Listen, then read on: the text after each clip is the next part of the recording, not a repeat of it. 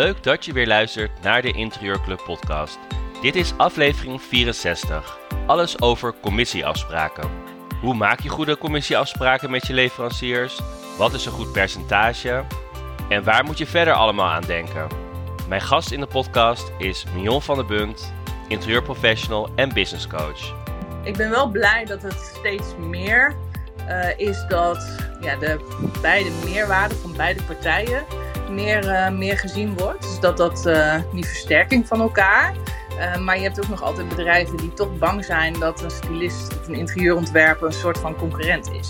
Dus die houden de deuren dan ook altijd nog een klein beetje dicht. Dat ze bang zijn dat je eigenlijk een boterham een beetje afpakt. Mignon biedt bij onze Academy haar groepstraject The Next Level aan. In zes maanden gaan jullie jouw interieurbedrijf naar een hoger niveau tillen. De volgende editie begint op 30 januari en er zijn nog maar 7 plaatsen.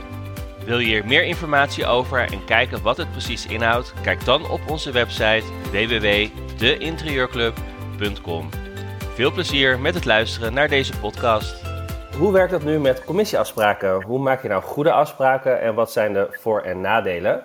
Uh, we krijgen altijd veel vragen over dit onderwerp, omdat het niet transparant is hoe dit nou werkt. Uh, daar ga ik het over hebben met Mion van der Bunt. En twee keer per jaar doet zij een groepstraject, The Next Level. Uh, op 30 januari begint deze weer. voor wie is het eigenlijk, Mion? Uh, nou, de Next Level is echt bedoeld voor ondernemers, interieurondernemers, interieurstylisten, interieurontwerpers die eigenlijk net gestart zijn.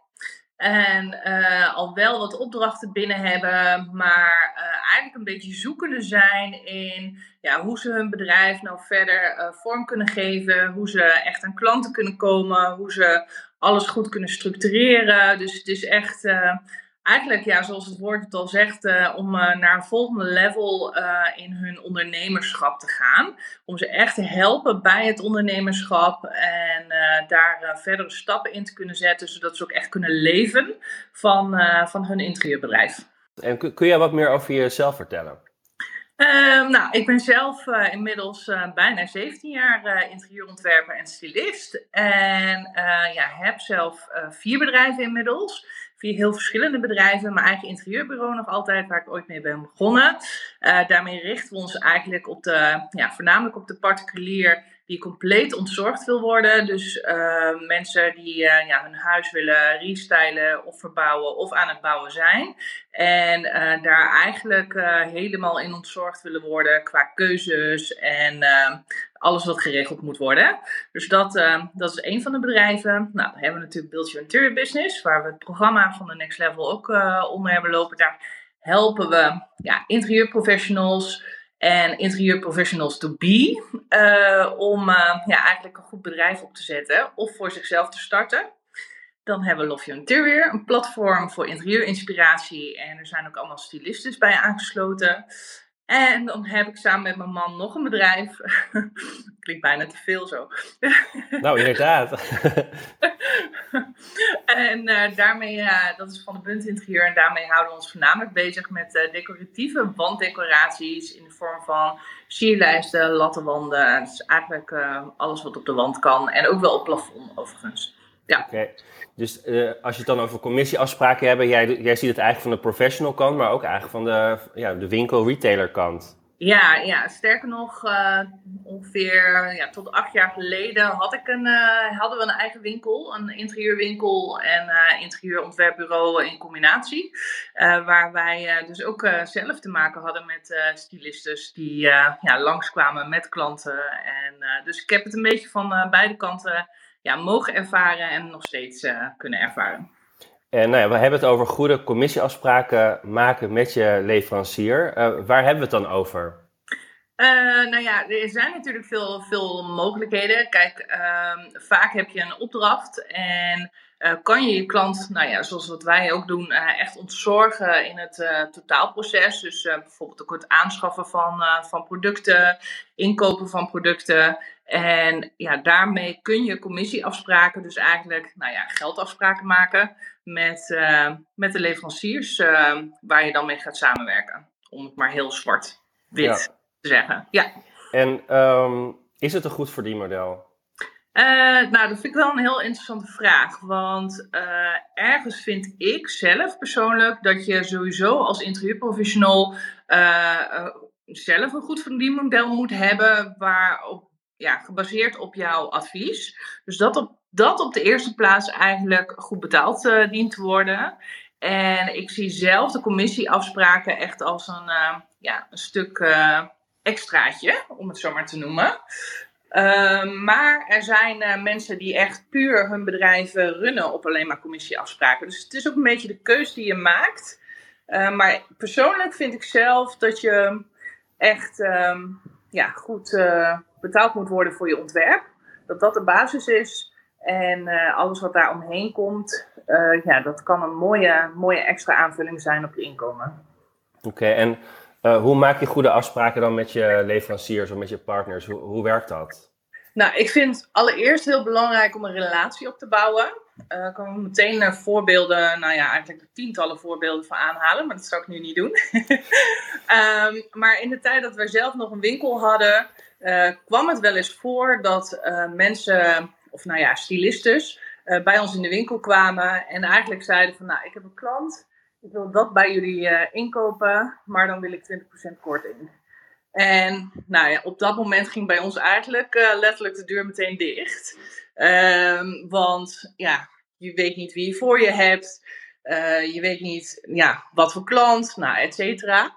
Dus ik vind het op de eerste plaats heel belangrijk dat je een, um, ja, goede relatie opbouwt met de bedrijven waar je mee wil uh, samenwerken.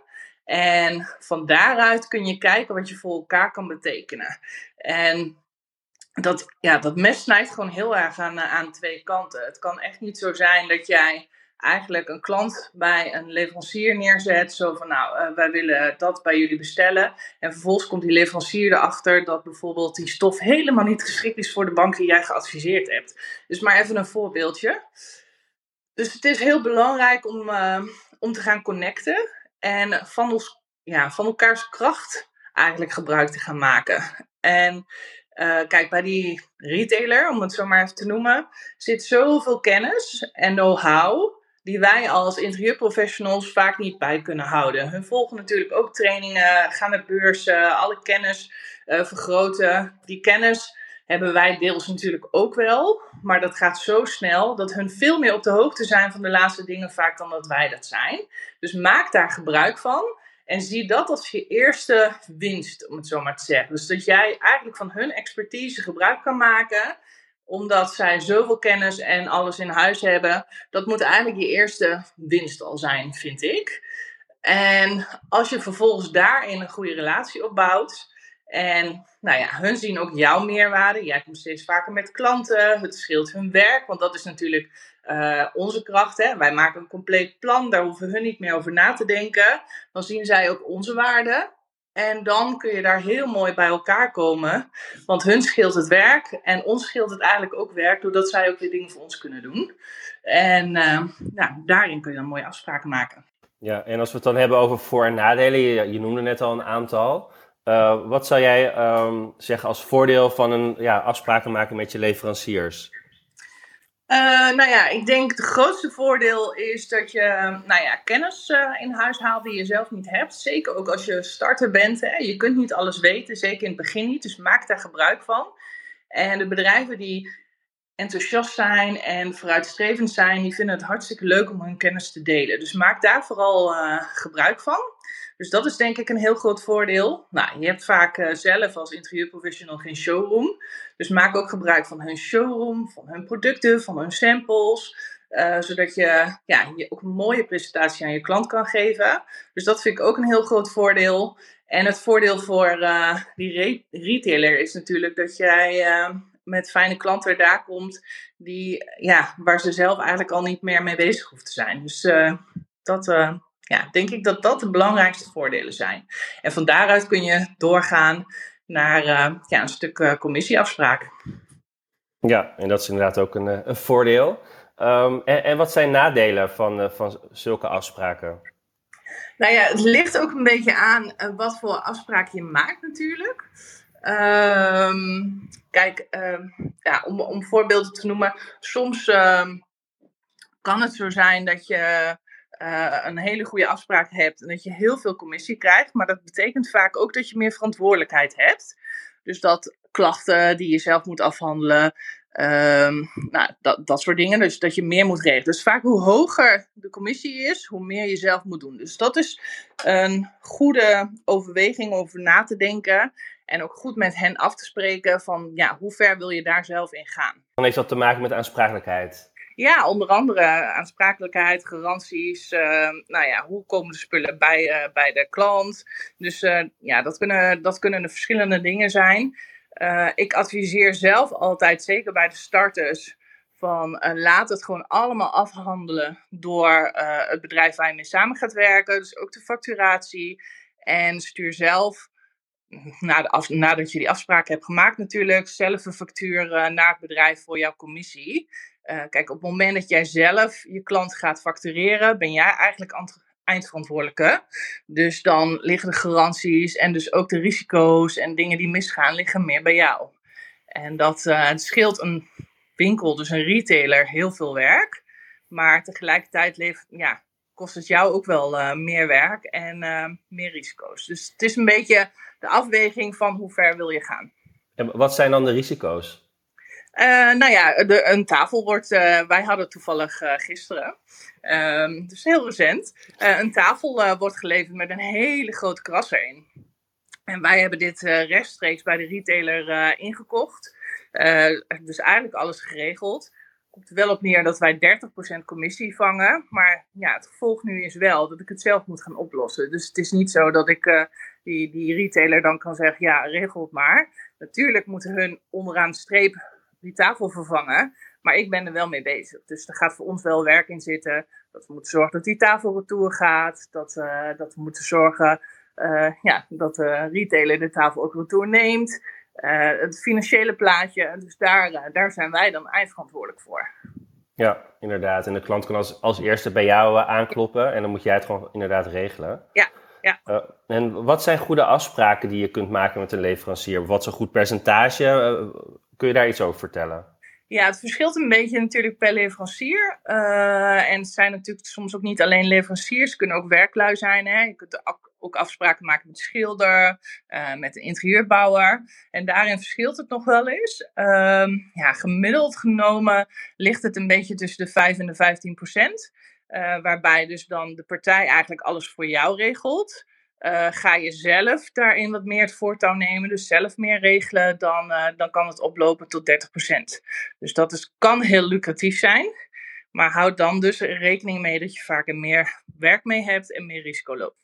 Ja, en wat zijn verder afspraken? Zet je dat dan op papier of hoe werkt dat dan? Of doe je dat gewoon per e-mail? Um, hoe werkt zoiets? Ja, dat leg ik meestal wel een klein beetje ook bij de retailer neer. Ik vind het uh, altijd wel prettig om hen daar ook uh, echt in te betrekken. Dus het verschilt een beetje per retailer. Um, zijn er geen papieren afspraken, om het zo maar te zeggen. Maar tegenwoordig hebben heel veel retailers afspraken op papier. Maar bijvoorbeeld een interieurbouwer weer niet. Ja, dan, dan bevestig je gewoon die afspraken met elkaar uh, per mail. Zodat het wel uh, ja, eigenlijk zwart op wit staat, om zo maar te zeggen. Dus dat, uh, dus dat ligt een beetje ook aan de partij waar je, waar je mee werkt. En uh, zorg in ieder geval dat je het gewoon wel zelf, dat op het moment dat er niet iets voorhanden is, dus dat ze zelf niet een documentje hebben, dat je het gewoon wel echt concreet met elkaar afspreekt. Uh, per mail bijvoorbeeld, van nou, bij deze bevestig ik dat we die en die afspraken hebben gemaakt. Nou, op een fijne samenwerking, noem maar even wat. Zodat je het wel uh, altijd erbij kan pakken van, hé, maar kijk, dit hebben we wel afgesproken, hoe gaan we hier nu mee om? En er zijn er tegenwoordig ook heel veel uh, leveranciers die een online omgeving hebben waar je kan inloggen. Heb je, heb je een voorbeeld van een project en wat je daaraan verdiend hebt aan commissie? Kun je daar iets over vertellen? Ja, um, nou ja, toevallig hebben we verleden jaar best een heel groot project gedaan waarbij we de ja, complete uh, woning eigenlijk hebben ingericht. En dat was een uh, nou ja, bestelling van meubelen, verlichting, uh, om het zo maar te zeggen. Um, wat totaal 50.000 euro was. En daar hebben wij een commissie van 30% op gepakt. Dus dat is best wel, nou ja, aanzienlijk, om het zo maar te zeggen. Dus dat zijn uh, ja, mooie bedragen om uh, ja, vervolgens uh, ja, binnen te halen. Dus dat kan echt wel heel fijn zijn voor je onderneming om extra omzet daarmee te kunnen creëren. Absoluut. En waarom, zijn de waarom is het zo niet transparant? Hoe, hoe komt dat? waarom is het bij iedere leverancier anders? Waarom is dat niet gewoon goed geregeld? Ja, dat is een, uh, dat is een goede vraag. Het zou mooi zijn als dat echt uh, ja, overal uh, hetzelfde was. Ik denk dat het ook wel deels komt uh, dat alle leveranciers zelf ook weer andere afspraken hebben met hun eigen inkoopkanalen. kijk, een hele grote retailer die koopt natuurlijk groot in. En die kan daardoor ook vaak meer doen met kortingen en commissies en dat soort dingen heb je kleinere bedrijven, die kunnen daar gewoon wat minder mee. Dus uh, ik denk dat het daarin zit, dat dat uh, ja, geen vaststaand feit is, in ieder geval. Um, ik ben wel blij dat het steeds meer uh, is dat ja, de beide meerwaarde van beide partijen meer, uh, meer gezien wordt. Dus dat dat die versterking van elkaar. Uh, maar je hebt ook nog altijd bedrijven die toch bang zijn dat een stylist of een interieurontwerper een soort van concurrent is. Dus die houden de deuren dan ook altijd nog een klein beetje dicht. Dat ze bang zijn dat je eigenlijk een boterham een beetje afpakt. Maar uh, ja, ja, het zou mooi zijn. Misschien moeten we dat uh, gaan regelen, Mark. dat is een goeie. Ja, nou ja, ik, ik merk wel dat ik het soms heel irritant vind dat ik dan inderdaad uh, dan zelf uh, moet gaan vragen of gaan, gaan leuren heb je een leuke samenwerking met iemand en dan moet je er zelf om gaan vragen. Ja. Um, en dat vind ik wel eens vervelend. Ik denk, nou, uh, kom op, uh, hoe, hoe werkt het? Ik, ik regel iets voor jou, dan kunnen we andersom kunnen we ook wel iets regelen. Ja, ja. Maar ik denk dat jij dan toch uh, op het moment dat je er zelf om vraagt en je hebt al een fijne relatie met het bedrijf waar je dan mee samenwerkt, dat ze daar niet meteen terughoudend tegenover staan dan toch? Helemaal niet, nee zeker niet, zeker niet. Maar ik merk wel dat ik er vaak zelf om moet vragen, maar de laatste jaren dat het wel uh, dat, dat ze steeds meer de samenwerking ook opzoeken. Dus dat is ook wel heel fijn. Ja, ja. ja dat, dat, dat merk ik ook hoor. Kijk, uh, eh, 16 jaar geleden was het echt heel anders. En uh, was het vak ook gewoon minder bekend. Het voelt nou net of ik heel oud ben trouwens.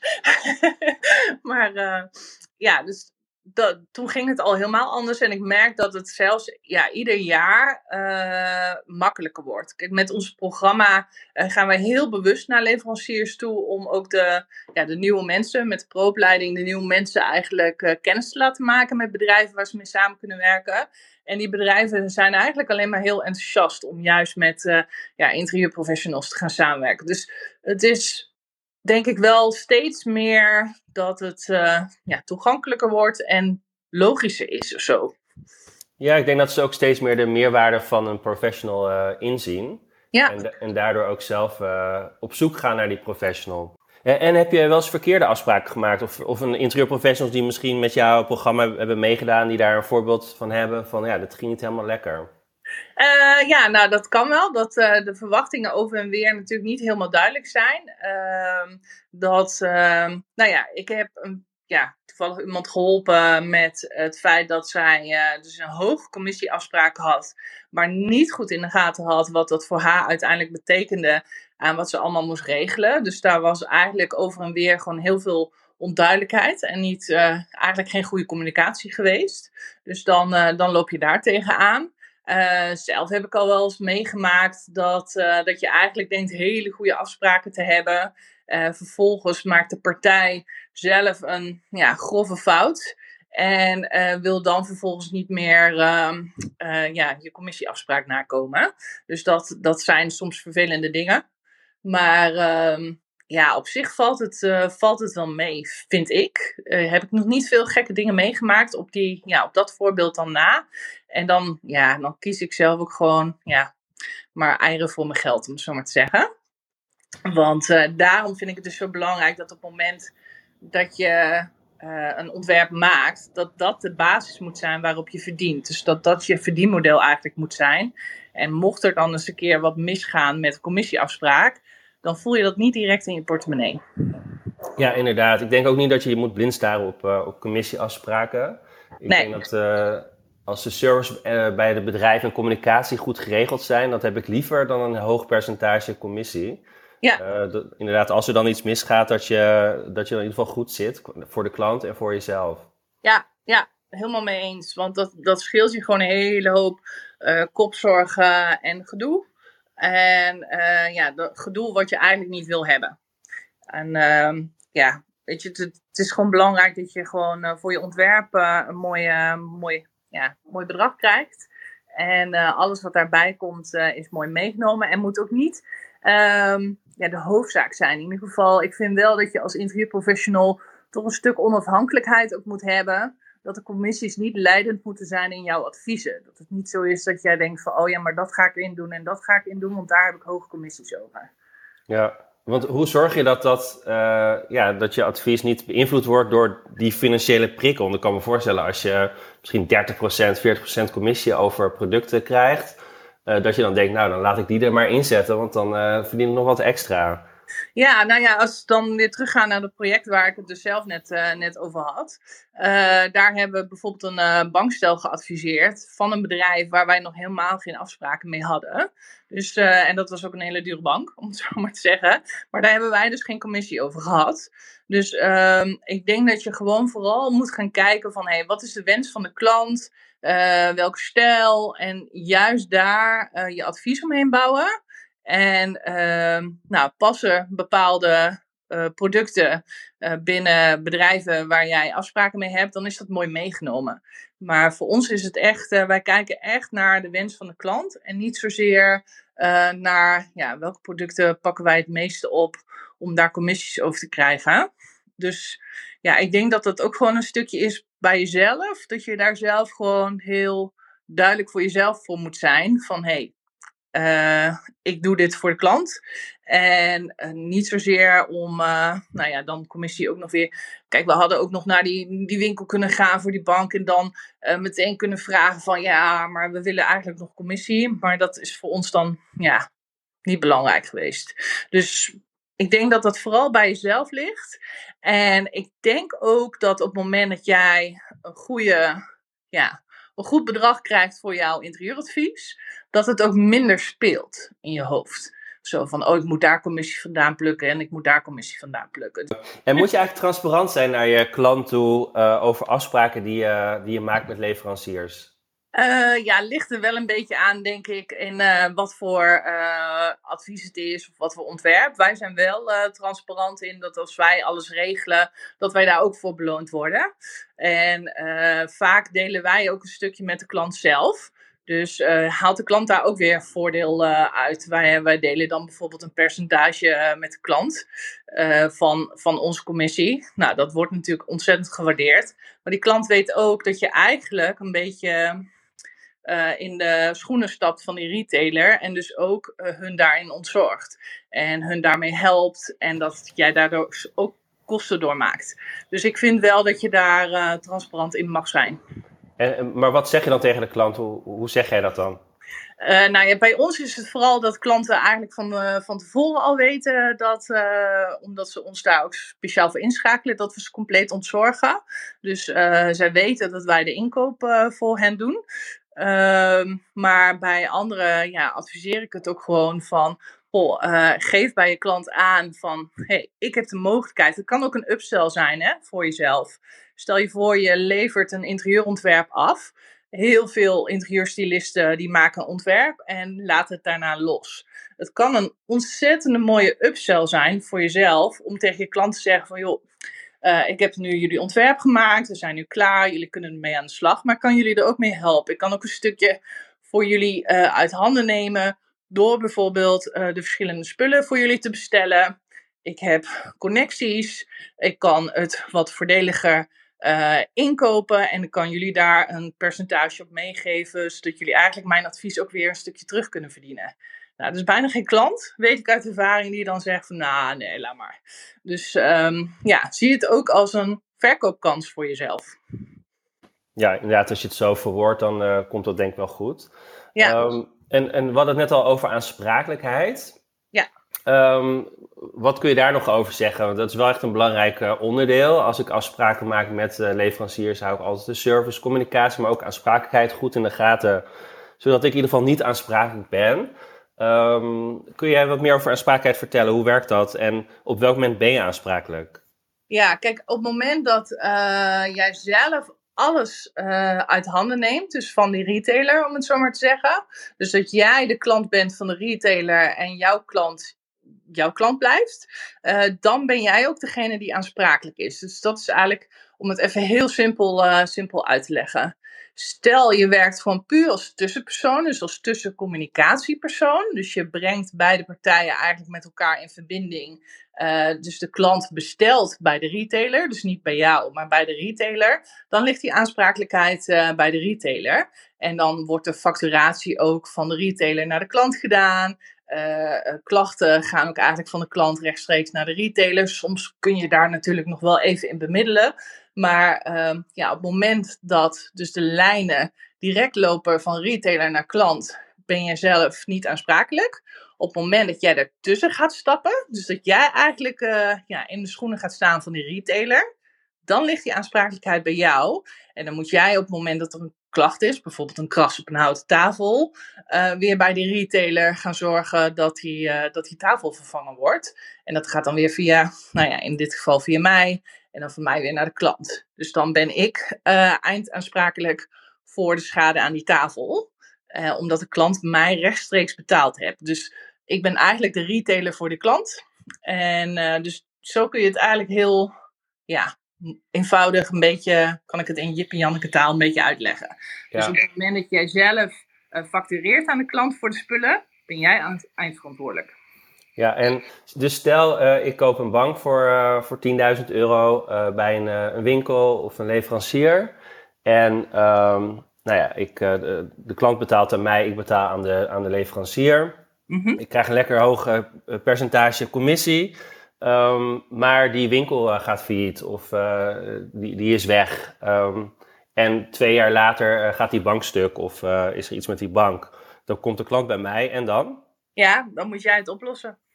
Maar ja, dus dan dat, is de, dat... de, winkel bestaat niet meer? Nee, klopt. Dus, dus dan zal jij toch, uh, uh, want bij die winkel kun jij niks meer halen. Dus jij bent, uh, jij bent eigenlijk in de schoenen gaan staan van de retailer. Dus jij bent eigenlijk op dat moment de retailer geweest voor jouw klant. dus de klant heeft de bank bij jou gekocht. En ja, hoe het ook, vervelend ook is dat die retailer dan niet meer bestaat. Het is dan toch echt jouw probleem dat er een klacht is uh, met die bank. En ja, dat zal jij dan zelf op moeten lossen. Dus dat, dat is een heel mooi voorbeeld wat je eigenlijk aangeeft. Uh, want dat kan dus best wel echt in de cijfers uh, gaan lopen als dingen echt misgaan.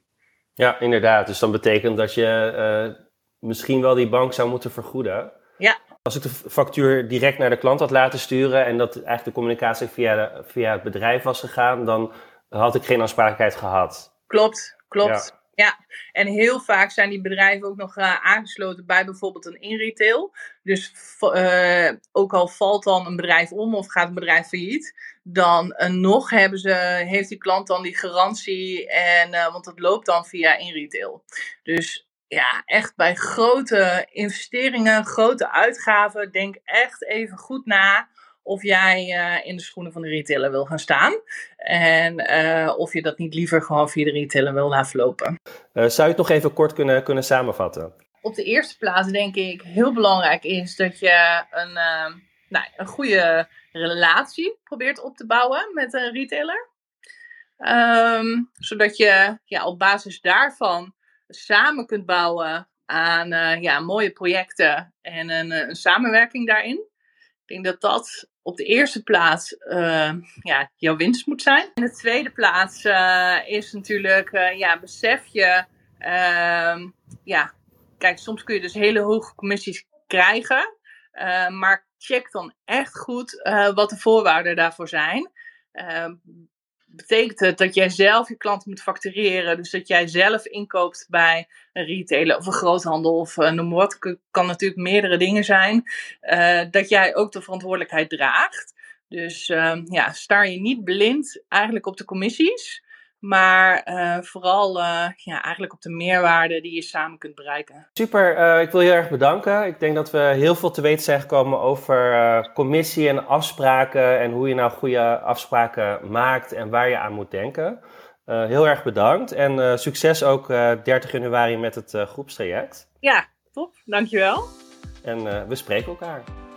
Vergeet niet om op onze website te kijken voor meer informatie over het groepstraject. En verder gaan onze kaartjes van de netwerkborrels dit jaar heel hard. 17 maart in Amsterdam is al helemaal uitverkocht. 19 april in Milaan tijdens Masterly zijn we nu bij de laatste 50 kaarten. En 12 mei in Antwerpen gaat ook heel hard. Kijk op onze website voor een kaartje.